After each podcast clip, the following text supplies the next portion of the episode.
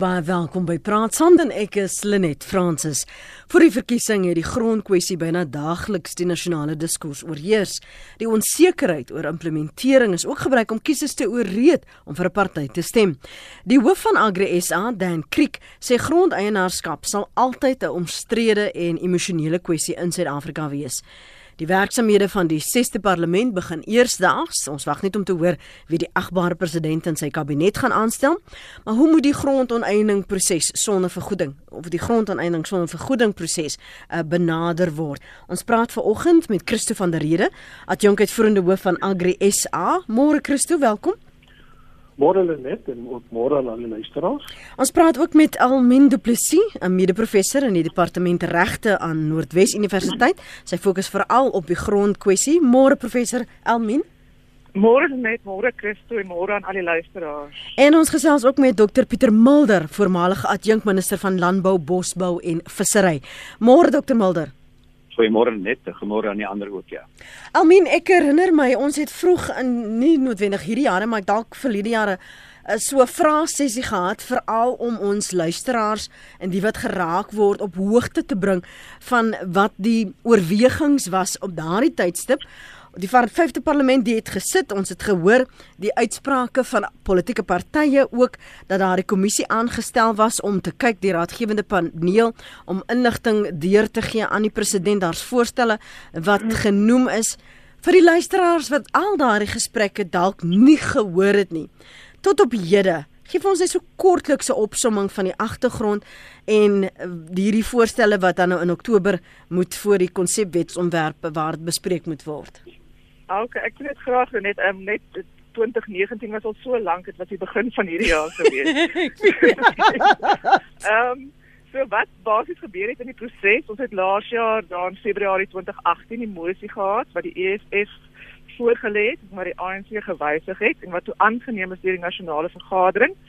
Hierdie daai mosie het daai grondwetlike hersieningskomitee gestig wat uh moes gaan ondersoek instel. Die vraag wat daai komitee gevra het was, moet die grondwet verander word ja of nee? En toe het ons daai publieke uh konsultasies gehad. Dit was daai geleentheid om voor die parlement ehm um, voorleggings te maak en daai verslag van daai kommissie is toe in Desember laas jaar hmm is voor die nasionale vergadering en die nasionale raad van provinsies gelê en daar is 'n resolusie aangeneem En soos wat ons weet, daai verslag het gesê ja, die grondwet moet verander word en spesifiek gesê om eksplisiet te maak wat implisiet is.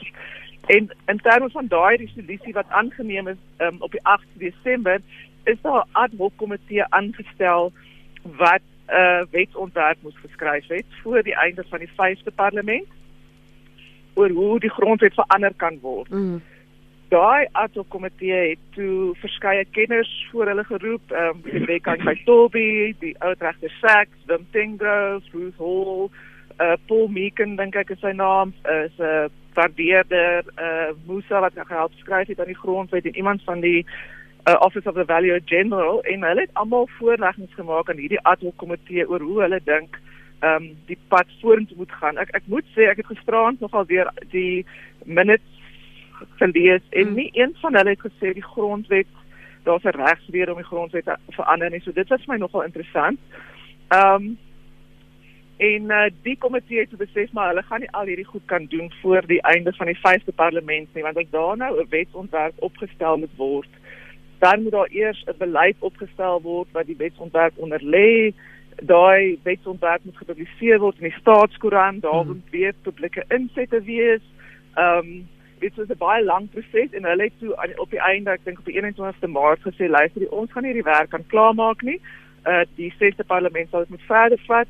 Uh Pieter Mulder sal dalk beter weet hoe werk die reëls van die parlement, maar as ek dit reg verstaan, hierdie ad hoc komitee is maar soort van 'n creature of the resolution. So hulle moet doen wat die resolusie sê en omdat hulle dit nie kon doen nie, is hulle bestaan hierdie ad hoc komitee nie meer nie. Um, so die sesde parlement moet nou besluit van hulle verder gaan of gaan hulle nie verder gaan nie. En as hulle nog wil verder gaan om 'n wetsontwerp op te stel om die grondwet te verander, dan sal dit of deur 'n uh, portefeulje komitee by justisie moet gebeur of deur die departement justisie self of daar sal weer 'n ad hoc komitee aangestel moet word om daarna te kyk. so dit is basies waar ons is op die oomblik. Daar is nie 'n komitee wat sover ek dit verstaan, as ek wel reg verstaan, wat verantwoordelik is vir die wysiging van die grondwet nie en daar is wel 'n moontlikheid dat ehm um, die proses nie aangaan nie. Ek weet nie dit dit is 'n politieke proses en ek sal hierdie oorlaat aan die politieke mm. kenners om dit verder te vat van hier af. Ek gaan nou nou vir vir Christo geleente en vir Dr Pieter Mulder geleente gee om te reageer en te praat vanuit die politieke en dan ook 'n landbousektor. Maar as een sin wat ek net wil hê jy moet die belangrikheid benadruk waarom moes ons of dan nou hierdie komitee eksplisiet maak wat implisiet is. Ehm um, kyk die bevindinge van die grondwetlike hersieningskomitee was dat dit wel onduidelik is of die grondwet toelaat dat daar sogenaamde onteiening sonder vergoeding. Ek noem dit onteiening teen nul rand vergoeding want ek glo nie mens kry iets soos onteiening sonder vergoeding nie. Ek dink onteiening is per definisie iets wat vergoeding vereis, maar dan so onteiening teen nul rand vergoeding. Ehm um, uh, ek dink natuurlik dis ons sin want ek dink dit is die werk van wetgewing om eksplisiet te maak wat implisiet is in die grondwet. Hm. So uh, soos wat meeste van die ander kenners ook gesê het aan die ad hoc komitee is hierdie gaan oor uh dit is political signaling dink ek het by so wie dit genoem. Dit is 'n politieke proses om die grondwet te verander. Dit is nie daar's nie regtig um sterk regstonde om dit te doen nie. Hmm. So, hoe is dit ontvang vanuit die landbousektor? Ons onthou, ek herinner myself aan al die negatiewe reaksie. Ons het ook nou gesien dat um Dan Creek homself was ons ongemaklik sal seker is maar uh, woord wat ek sal gebruik met van die uh voorstelle wat gemaak is dalk wil jy daaraan raak Christo maar is net so oor hoofs die reaksie en die gevoel en en waar die proses op die oomblik is Net Agri SA het baie duidelik gemaak tydens die verhore in die parlement dat grondhervorming moet plaasvind.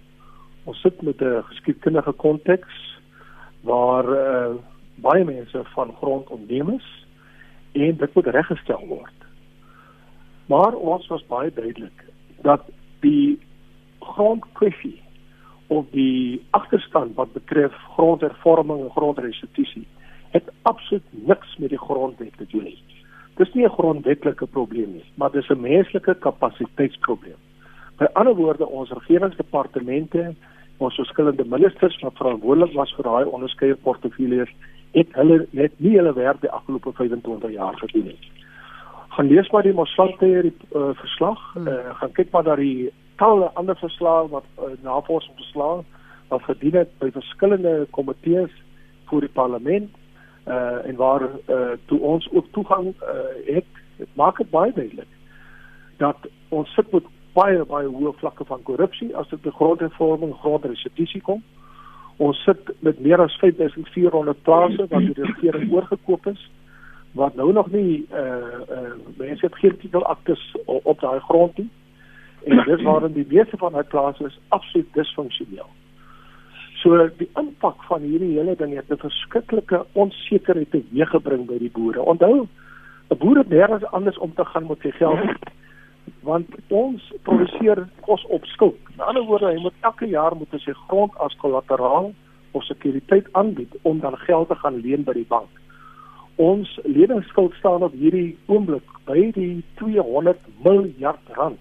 In ander woorde, die boer ongeag of nou gaan reën of nie gaan reën nie, besluit hy maar ek moet my skuld uh, op my plaas moet ek afbetaal en die enigste manier hoe ek dit kan doen is om weer geld te belê op my plaas. Ek is nie 'n korporatiewe besigheid wat my geld kan vat en 'n oorsee fabriek kan oopmaak. Ek kan dit dit doen. So al wat ons sê is kom ons vat hande saam met die regering. Ons kyk hoe ons hierdie kwessie moet oplos. Ons het nie keuse nie. Ons moet dit oplos. Ons moet die historiese onderrigte uh um, aanspreek, maar ons kan dit nie op 'n lukrake wyse doen of elke keer as ons 'n politieke probleem het, dan wil ons die grondwet gaan verander en die grondwet uh, die skuldige maak in die proses nie. Ons sit met wanfunksionerende staatsdepartemente en 'n gebrek aan politieke wil om die planne wat daar is aan behoorlik deurvoering te gee of uitvoering te gee. En jy kan die grondwet verander tot jy blou in jou gesig is. Dus dit gaan nog nie die uh, situasie van ons mense op grondvlak aanspreek nie. Ons mense wil toegang hê tot behoorlike behuising, behoorlike dienslewering. Ons swart en bruin boere wil weet dat 'n stukkie grond waarop hy boer, is fyne, hy kan dit aanbied as sekuriteit, want hy wil geld gaan leen om weer te kan produseer en ons moet 'n plan hê om daai behoeftes aan te spreek. Die grondwet en enige verandering gaan dit nie vir ons doen nie. En ons het gesien uh, Dr Mulder hoe hierdie onsekerheid letterlik uitgebuit word en verskillende interpretasies daaraan gekoppel word net om stemme te werf.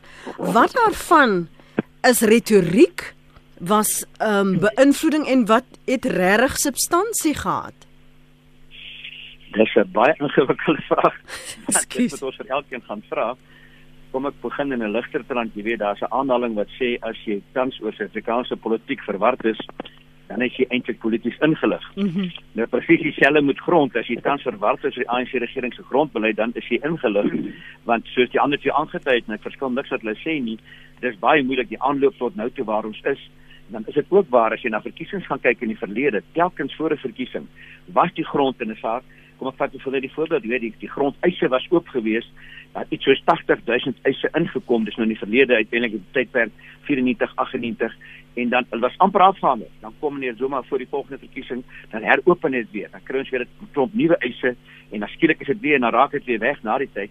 En die groot probleem en ek dink dis wat my dilemma is, is dat die pratery en die dade nie ooreenstem nie. Met ander woorde, daar word vreeslik oor gepraat, dis 'n groot prioriteit, maar as jy regtig gaan kyk na dit wat gedoen word, uh, dan net lyk dit of die regering dit nie 'n prioriteit nie. Kom ek gee vir een syfer. Begroting uh, is ek reg is leer hierdie jaar van vergrond uh, hersiening grondherfstitusie is 3,4 miljard. Dit klink baie maar is 0,2% van die totale begroting. Net die amptenare alleen van grondhervorming en landbou se salarisse is 12 miljard. En ook jy gaan somme maak op sekere maniere hoeveel jare dit vir jou gaan vat as dit jou prioriteit is om die ding op daardie manier te doen. So ek dink ons moet aanvaar dis 'n politieke ding en miskien moet ek net die aanloop, soos ek sê, politieke aanloop miskien ook aanskud wel mm. Elmino die die parlementêre aanloop gedoen het en dan moet ons begin met die EFF. Jy weet die EFF het sy party gebou breedweg op twee sake. Dit was die korrupsie rondom Zuma onthou die payback the money as die een en die tweede een was die hele kwessie van grond. Grond is gesteel, dis moet onteien word sonder vergoeding. En interessant in 2017 het hulle met twee moties in die parlement gekom wat dan sê onteiening sonder vergoeding moet goedgekeur word, die grondwet moet gewysig word. En interessant, die ANC het elke keer daarteen gestem. Nou moet ons se Bell Pottinger bybring. Dis nou die Gupta skakelmaatskappy van Londen wat dan begrippe soos radikale ekonomiese transformasie, wat monopolie kapitaal ingebring het wat ek persoonlik glo eintlik maar daar was om die aandag af te trek van staatskaping van die Guptas en in 'n mate van Zuma af. En dan kom die antwoord as met grondgrond eind gaan hierdie probleme opgelos word. Nou Bell Pottinger is tot nie al September 2017, maar die begrippe het in ons debatte gebly dwars deur die verkiesing tot nou toe. En dan spring ek na die ANC se kongres toe, Desember 2017, die 54ste nasionale konferensie. En ek wil nie al sy herhaal wat daar gebeur het nie, maar ek wil dit opsom. Ek het 'n aanhaling hier van 'n uh, rubriekskrywer in een van die Sondagkolomme wat ek dink dit goed opsom. Hy sê meneer Ramaphosa het die leierskapstryd by die kongres gewen, maar die ideologiese stryd verloor so die beleid is aanvaar na die een kant toe nie meer na die Zuma kant toe terwyl hy na die ander kant toe is. En dan sit hy baie mooi gepraat hy van gifbekers. Hy sê meneer Zuma het twee gifbekers aan Ramaphosa oorhandig. Die een was dan gratis onderwys en dis aangekondig sommer daar op 'n galop sonder raadpleging, sonder 'n begroting en die ander een is grondonteeneming sonder vergoeding wat skielik nou beleid geword het wanneer die ANC nog kort van tevore daarteen gestem het. Interessant het meneer Bekkie onlangs meneer Bekkie president oud president Bekkie in 'n onderhoud in City Press gesê het the ANC has lost the plot with land expropriation. So the decision en dan verduidelik dit uit die Freedom Charter uit. So dis breedweg die politieke agtergrond waar ons nou sit. Die parlement gaan begin 20 Junie en nou moet ons besluit wat gaan ons maak. Nou interessant is nou die besluit gaan kyk wat die Kongres geneem is. Dan wel is minder nagtelik geneem en daar was groot argumente en dan sal dit klompie voorwaardes ingebou wat amper lyk asof die Ramaphosa ondersteuners dit probeer afwater het. Dinge soos so besluit moenie toekomstige beleggings ondermyn nie. Dit moenie landbouproduksie en voedselsekerheid benadeel nie. Dit moenie skade aan ander sektore aanrig nie. En dis nou waar ons nou staan. Die besluit is geneem deur die Kongres. Die Parlement, die vyfde Parlement het tot op daai punt gekom. Teoreties om 'n ander vraag te antwoord, verval alles van die vorige Parlement en begin die sesde Parlement voor, maar daar was 'n aanbeveling om te sê julle moet dit hanteer van die ad hoc komitee af en nou moet die Parlement 20 Junie bymekaar kom en besluit is hierdie op die agenda en as jy op die agenda is, hoe gaan jy dit hanteer? Maar Christo, is dit realisties om daardie voorwaardes as jy nou vandag daarna kyk, voedselsekerheid, die ekonomie, is dit nie onverwendbaar dat daardie sektore tog beïnvloed gaan word nie want dit raak ons almal. Net sodra jy aan die konsep of die fundamentele reg in die grondwet wat spesifiek verwys na eiendomsreg, as jy daaraan begin torn, dan het dit 'n domino effek op die hele hele ekonomie. Net wel as ek iewers waar 'n huis wil gaan bou, dan wil ek seker wees dat die erf uh waar op ek my huis gaan bou, dat daai erf is byne. Dis waarom ek dan die erf koop en dit gaan deur 'n proses waar dit teen my naam geregistreer word. En dieselfde geld ook vir 'n plaas. As ek uh, sukses wil maak van my boerdery, dan wil ek weet hierdie stuk grond waarop ek boer, dit behoort aan my ek kan dit ehm uh, ehm uh, aan die bank eh uh, studeer eh uh, ten einde 'n lening te kan kan bekom. Ek uh, hoor nou die dag die pragtige storie of die hartseer storie wat iemand vertel in die Ooskaap. Hy sê 'n Ooskaap onderwyser gaan werk in die Kaap. Eh uh, vir uh, of gaan gee onderwys in die Kaap vir die, vir 30, 40 jaar. Die persoon uh, kry 'n pensioen van 2 miljoen rand. Die persoon besluit nee, maar ek wil nou vir my huis kom bou hier op my op die kommunale grond uh wat onder die uh jy weet toesig staan van een of ander hoofman. Die huis word klaar gebou. Daai persoon wil daai huis graag miskien na 6 maande of daai jaar verkoop. Net om uit te vind wat daai huis se waarde of die huis het geen waarde nie. Want dit staan op kommunale grond, die persoon het nie besit reg op daai grond nie. So uh, ons is eintlik besig in plaas dat ons die hele konsep van besit reg, eiendomsreg uitbrei na die miljoene mense in hierdie land wat as gevolg van ons geskiedenis dit ons sê is wil ons nou eiendomsreg eh uh, jy weet verskraal deur eh uh, spesifieke mense op grond van hulle velkleur of op grond van historiese bevordering wil ons nou benadeel. Dit is nie die weg om te gaan nie. Want dit gaan ons hele ekonomie baie baie skade aan doen. En ons sien dit in die syfers hulle net. Ons sien hoe ons aandele mark sedert eh uh, die afgelope paar jaar net die kreef te gaan gaan ons kyk na die waarde van die rand ons kyk ook na die hoë vlakke van werkloosheid die disinvestering wat in die land plaasvind. Nou, ek skryf dit nie net eksklusief toe aan eie aan eie aan eienaars van 'n vergoeding nie maar dit het alles te doen met beleidsekerheid want mense wil weet as ek en dit geld vir my en vir jou mm. as ek my geld belê in 'n eiendom dan wil ek dan groei op daai investering sien En dit is 'n algemene ekonomiese beginsel wat alle suksesvolle ekonomieë onderlê. So dit is baie belangrik dat die staat moet begin besef, die regering moet besef dat jy torm nie aan 'n fundamentele reg soos eiendomsreg nie. Almin, ek herinner my dat die laaste keer toe ons gesels het, was een van die aspekte wat jy juis uitgewys het, hierdie regsprosesse. Ek wil onthou daar was baie luisteraars wat beweer het, sommige wat beweer het maar hulle kennisgewings ontvang. En jy het gesê dat dit is nie werklik moontlik in hierdie stadium in daardie stadium nie, want dit is prosesse wat gevolg moet word voordat iemand 'n briefie aan jou aflewer en sê maar ons gaan ons het jou nou geïdentifiseer of jou plek en dit is nou die proses vorentoe. Christo praat van beleidssekerheid in die ekonomie natuurlik, maar duidelik ook oor hierdie prosesse wat gevolg moet word. Ehm um, ja, O, skies, is dit die vraag. Ehm um, dis dis is stelling. Uh ja, ek ek dink ehm um, wat dringender nodig is as om enigstens weet te probeer Peter aan die grondwet is om 'n uh, onteieningswet daar te stel wat die prosesse duidelik uiteensit. Want ons sit nog met die 75 wet wat nie in lyn is met ons administratiewe geregtigheid soos vervat in die grondwet en soos vervat in die um, promotion of administrative justice act nie. So hierdie onteieningswetsontwerp wat daar in die parlement lê en dit lê al vir die afgelope 3 jaar in min of meer dieselfde vorm daar. Um dit moet dringend deur deurgevoer word sodat daar sekerheid kan wees uh oor hoe die proses van onteiening moet loop. En wat wat hierdie wetsontwerp um soort van goed maak in my oë is dat anders as die ou wetsontwerp het dit daardie proses voorin dat die staat moet eers probeer om 'n ooreenkoms te bereik met die eienaar.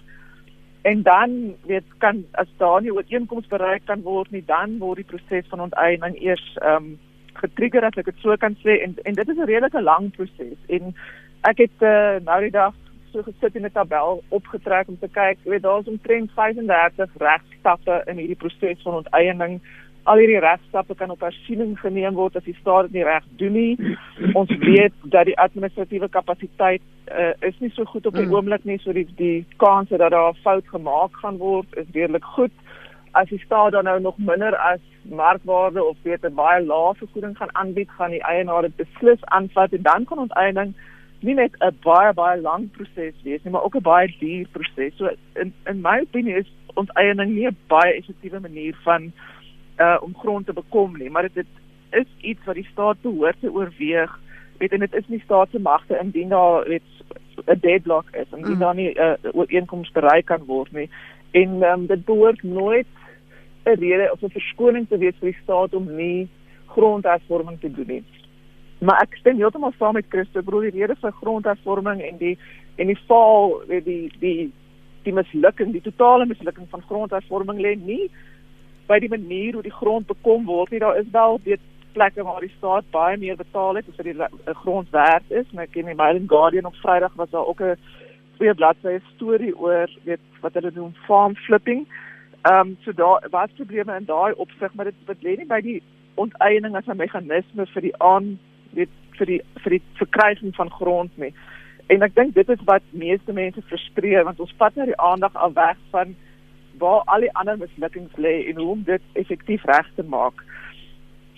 Ehm um, ek wil graag net op twee goed uh iets uitlig. Uh ek het opgestraan deur die ANC se 54ste uh verslag van hulle uh vergader wat wat mense het hulle ehm um, die nasionale konferensie ja. en en in daai verslag hulle sê duidelik weet onteiening sonder vergoeding soos ek gesê het ek dink dit is 'n is 'n oksimoron maar dit ons los dit nou maar daar. Uh moet 'n meganisme word een van die meganismes word om grond te verkry maar die maar die ANC noem nêrens dat die grondwet verander moet word vir dit nie. Dis korrek um, ja So dit is maar interessant. Daai grondwetverandering was was van die druk van die EFF af en in daai mosie en ek dink die ANC het daar groot fout begaan deur toe te laat dat die EFF die narratief oorneem mm -hmm. want ek dink dit kon baie sinvoller gedoen gewees het. En dan ook die ander ding waar wat eh uh, Dr Miller uitgewys het van die EFF en weet hoe grond heeltyd 'n kwessie raak vir die verkiesing. Daar was 'n baie interessante studie gewees deur Gibson daar in 2009 wat gesê het jy weet as jy vir mense lys sien ek dink die instituut vir rasverhouding het ook 'n soort gelyke studie gedoen as jy vir mense 'n lysie gee van goed en dit vra om dit te prioritiseer, sal mense altyd iets soos met unemployment en opvoeding en sulke goed ver voor grondhervorming sit. So so op so 'n prioriteitslysie is grondhervorming nie baie hoog nie. Hmm. Maar as jy direkte vrae vra vir mense soos jy weet, dink jy ehm um, grond is onregverdig weggevat en moet teruggegee word, sal 'n groter meerderheid van swart mense sê ja en baie min wit mense sal sê ja. En en Gibson het in 2009 al ge, gewaarsku, hy het gesê dit mag dalk nie prioriteit wees nie, maar as dit onaangespreek gelaat word, gaan dit iets kan wees wat mense kan uitbuit vir politieke ehm um, doeleindes. En ek dink om daardie rede is dit baie belangrik dat dit soos Dr Miller ook gesê het, ek bedoel ons moet 'n groter begroting hê om hierdie probleem op te los sodat dit nie iets raak wat ons wat ons later gaan um kelder nie. Dit net tog twee aspekte wat Christo aangeraak het. Ek wil net weet of dit um, bespreek word of daarna verwys word in die onteieningswet. Hierdie wyse waarop daardie grond, die 5400 plase wat Christo genoem het, wat die regering uh, gekoop het maar nou letterlik disfunksioneel lê, word daar ooit gepraat as daar planne vir of was daar planne van hoe uh, dit benader sou word sodat dit versprei sou word sodat dit ten minste 'n uh, bruikbaar sou wees dit aan een kant en word kommunale grond word dit enigstens hanteer ek weet die moet Klantiem verslag verwys daarna en ook die die die probleme wat geskep is waar in sekere plekke waar mense voel maar ons wil mos ons eie lappie grond hê maar die koning besluit nou of die heerser besluit nou. Ja, kyk, die die kommunale grond is die grootste olifant en waaroor niemand praat nie want dit is is so ek dink potensieel plofbaar. Die EFF se beleid oor grondhervorming was ook ehm um, dat hulle dit nie onteiening sonder vergoeding teen uh, weet dit dit dit teen staan so hulle is, is nie vir onteiening sonder vergoeding nie presies om die rede omdat hulle bang is dat die grond in die Inkonyama Trust so onteien gaan word. Mm -hmm. En ehm um, as ek julle reg onthou het Ramaphosa president Ramaphosa iewers laas jaar in die middel van laas jaar 'n onderneming gegee ja.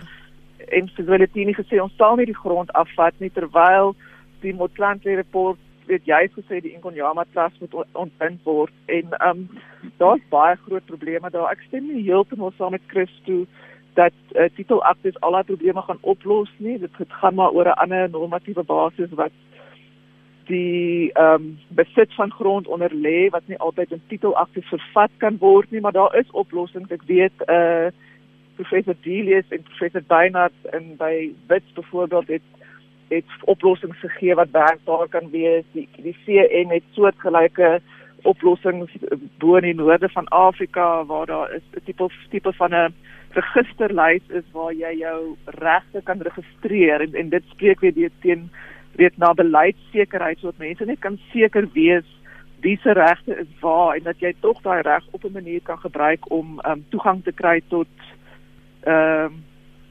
fondse as jy wou maar maar daai tradisionele grond ek dink dit gaan nog die grootste tamaletjie wees groter as vermoed ek as as ehm um, enigiets anders in die grond. Jy Elmine het toe gepraat dokter uh, Mulder van sy net verwys Uh, na political signaling toe jy destyds in die departement landbou was wat was die gedagte gaan die gesprekke uh oor hierdie onderwerp en wat was die benadering of was dit maar net daar gelos totdat dit eendag soos nou 'n plofbare situasie kan raak Nee, daar's baie gepraat daaroor uit die aard van die saak. Dis ook ons sê daar word baie gepraat en mm. ons min gedoen. Mm. Een van die probleme waarskynlik was dat die twee departemente geskei is. Landbou was aan die een kant gewees en grondhervorming aan die ander kant. Uh en ek glo as dit nou kabinet verklein word gaan waarskynlik weer saamgevoeg word. Maar die implikasie was kom ek gee 'n voorbeeld. Daar's 'n klompie plase oorhandig aan boere. En dat ek eers bysê, almal stem saam dat ons 'n grondhervorming nodig en hoe gouer hoe beter dit eintlik maar op 'n ordelike manier wat nie die hele land gaan skade doen nie. Toe van die plase, ek dink was 70 wat oorhandig is te Msekwinti en na rukkie toe staan 2, 3, 4 van die boere wat bankrot gegaan het en op grond daarvan gaan die plaas op 'n veiling, dis 'n normale prosedure. En toe was daar paniek geweest in die landboudepartement wat op die veiling is van die plaas gekoop, nie deur swart boere nie, maar deur wit boere. En toe sê gesê, "Wo, nou is die proses in verkeerde rigting." Die implikasie was daarna is daar geen eiendomsreg op privaat oorgedra het eintlik nie kar en transport soos ons sê aan die ander plase wat so opgekoop is nie. En dis 'n groot mate waar hierdie plase vandaan kom, 4000 5000 wat nou in die staat se besit is. Die dilemma daarvan is dit kos die staat nou dubbel. Dit beteken hy koop die plaas nou by die boer, dis nou waarskynlik 'n wit boer uiteindelik, dan bied hy hom aan ander kant dan uh, sê die eienaar die die maar die eiser nie hy wil nie hê nie onthou die laaste syfer sê 92 tot 94% van die mense het eisverslag vra kontant in elk geval. Nou betaal hulle kontant uit so dit kos nou dubbel en nou is die plaas in besit van die staat. Dan kom departement van landbou te sprake nou moet daar word daar jokkie opgesit. Die jokkie, die boer is dan nou vir die landbou daar gesit en nou moet hy gehelp word deur die departement van landbou. Nou jy het hom begin praat dan sê hy ek het nie saad gekry nie en die en die kunsmis was laat hierdie jaar het ek nie oes uiteindelik nie. Mm -hmm. En na 2 3 jaar sê departement van landbou jong die man is 'n swak boer, kom ons haal hom af omdat dit nooit sy eiendom was nie, kon hy nie op sy eie bank toe gaan nie, hy kon nie sekuriteit kry nie, hy kon nie betyds plant nie, hy's 'n slagoffer van die hele omstandighede en jy maak vir hom 'n mislukking. En dan moet ek daar plekke soos Graan Suid-Afrika en selfs die ander 'n prys eintlik wat baie meer sukses het op 'n kommersiële basis waar hulle in hulle eie omgewing, hulle praat van 24000 swart boere wat hulle al gehelp het en suksesvol was dit eintlik met 'n boer waar sy buurman hom help 'n ander kommersiële boer. En dat die proses amper beter werk as die staat se poging. Die staat kan nie boer net nie gemaak om te boer nie en daai proses het misluk. En ek dink nie Ramaphosa besef dit. Kom ons hoop hy gaan 'n ander proses volg. Wat dan nou die inkrusto is reg. Onteiening is die moeilikste manier om vinnig te vorder uiteindelik met al die frontflomp en probleme daarmee saam. Hier is ander maniere wat vinniger selfs nasionale ontwikkelingsplan het 'n paar voorstelle in wat ek dink kan werk hoe dit gedoen kan word op 'n plaaslike vlak wat nie hierdie debat hierdie gemorsel onteiening sonder voeding deel van is nie. Mm.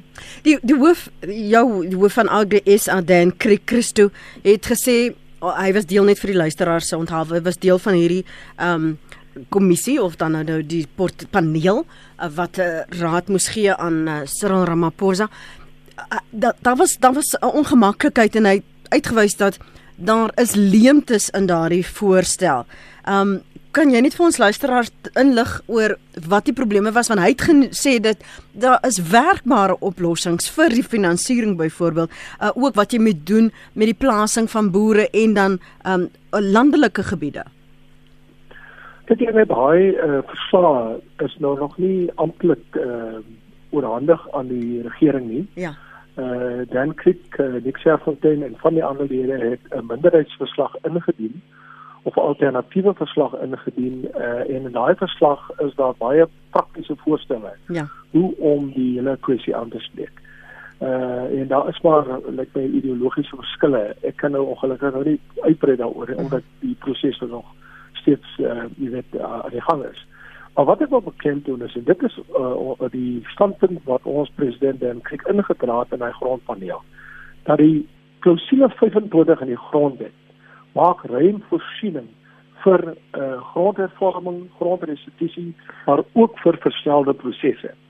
En uh, ek dink die baie mense doen werklik baie moeite om daai uh klousule 25 te gaan lees en te gaan bestudeer nie uh artikel 5 van daai klousule 25 sê byvoorbeeld die staat moet redelike wetgewende en ander maatreëls tref om toestande te skep wat burgers in staat stel om op 'n billike grondslag toegang tot grond te verkry.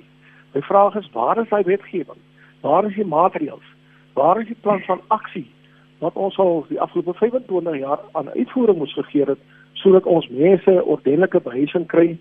Ons sien daar's massiewe migrasie na die stede toe. Maar wat sien ons? Ons sien plakkerskampe is besig om soos paddastoele te reis. En die lewensomstandighede in daai plakkerskampe of informele nedersettings is verskriklik. Ek wil nie ek vind dit is onaanvaarbaar dat ons mense, dat Suid-Afrikaners uh jy weet wat uh uh, uh ons in die eerste plek het ons kom verwagtinge wat by, by mense geskep. En nou van mense hulle in erger omstandighede jy weet hulle beweeg vanaf 'n uh, 'n uh, plattelandse dorp beweeg na die stede toe en nou bevind hulle in 'n uh, in uh, informele omstandighede en 'n informele nedersetting. Die ander punt uh, wat wat die wat um, artikel 6 byvoorbeeld van praat in klousule 25. Dit sê die volgende: 'n persoon of gemeenskap wie se besitreg van grond regs onseker is as gevolg van diskriminerende praktyke in die verlede, reg? Ehm uh, is geregtig op ons besitreg wat regseker is of gelykwaardige vergoeding. En dan sê dit daar moet 'n parlementswet wees om seker te maak dat ons besitreg uh, uh of regsekerheid gee aan besitreg. Waarom het ons nou nog dit nie gedoen nie? Want nou wil ons van torring aan die aan die aan die grondwet. Die grondwet is baie eksplisiet in terme van wat die regering moet doen, een om die on, eh, die die ehm um, verlede se se onregte reg te stel, maar ook om besitreg verder uit te brei en om seker te maak dat ons ook die nodige wetgewende en ander maatreëls tref om grond, water en verbandhoudende hervorming te bewerkstellig. Net duideliker as dit gaan jy dit nie kry nie.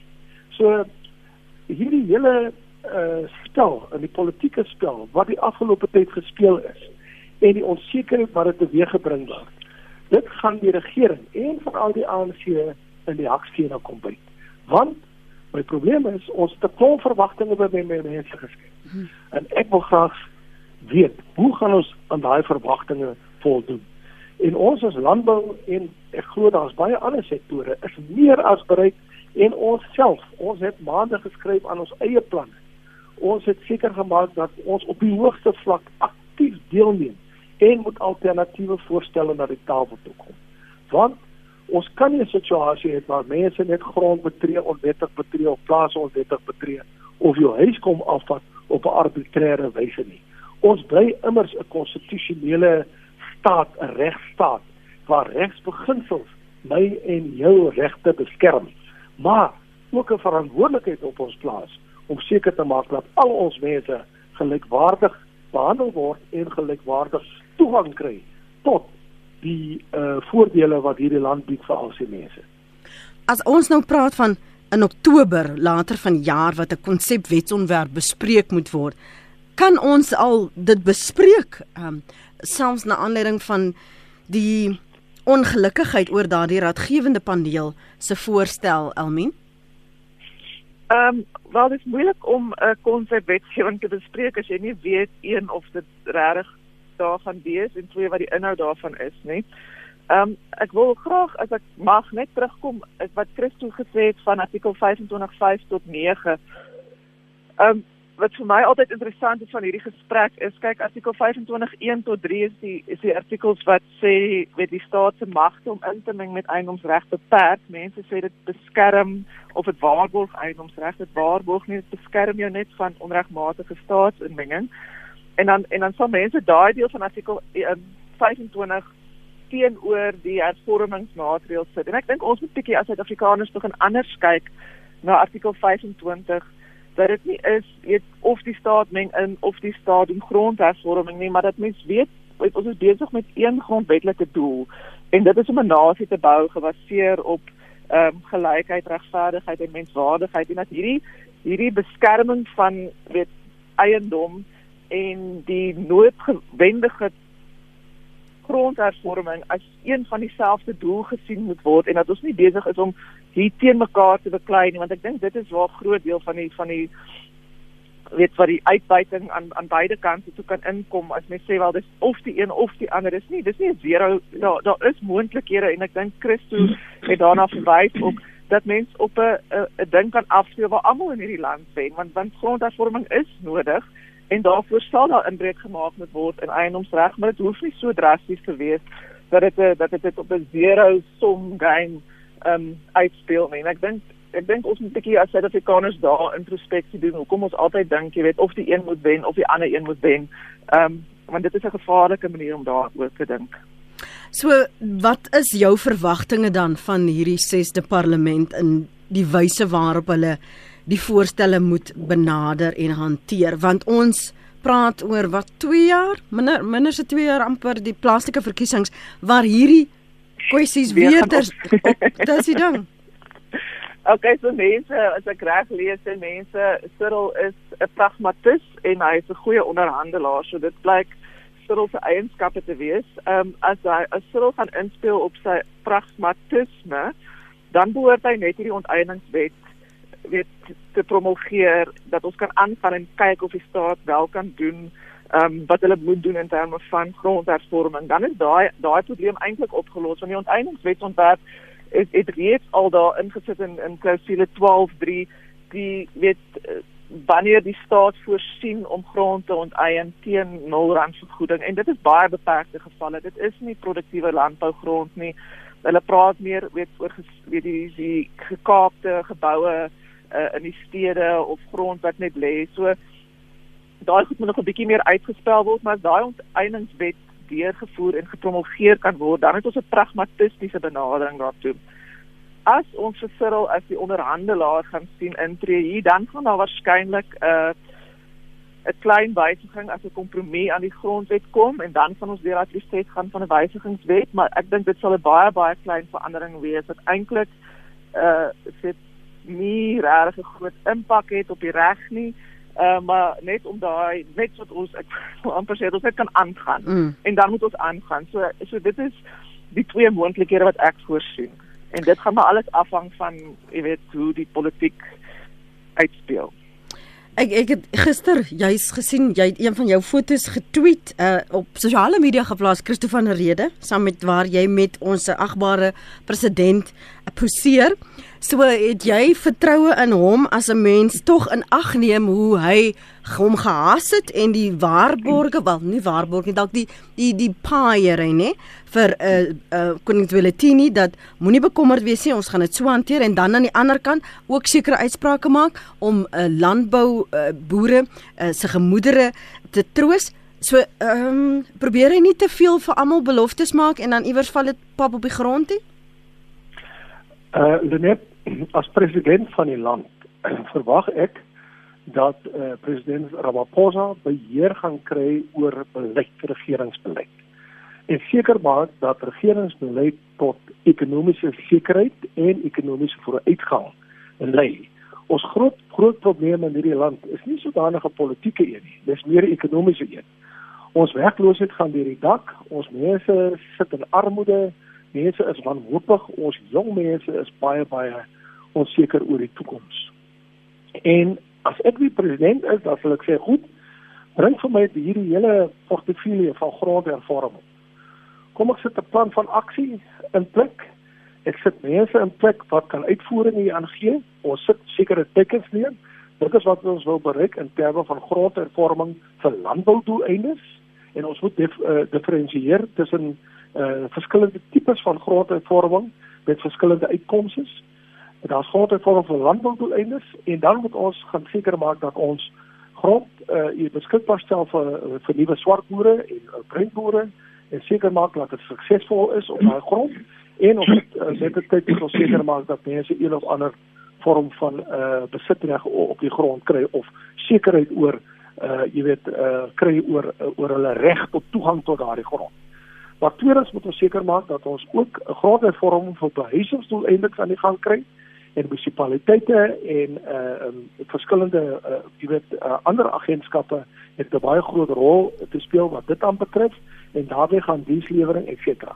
En dan grondhervorming natuurlik vir uh ekonomiese ontwikkeling, uh vir publieke ontwikkeling, vir skole, vir hospitale, vir fabrieke en maak seker dat ons aan die einde van die dag by 'n bestel uitkom waar ons nie net die onsekerheid of die die onregte van die verlede oor oorgekom het nie maar ons het ook die behoeftes van die toekoms aangespreek.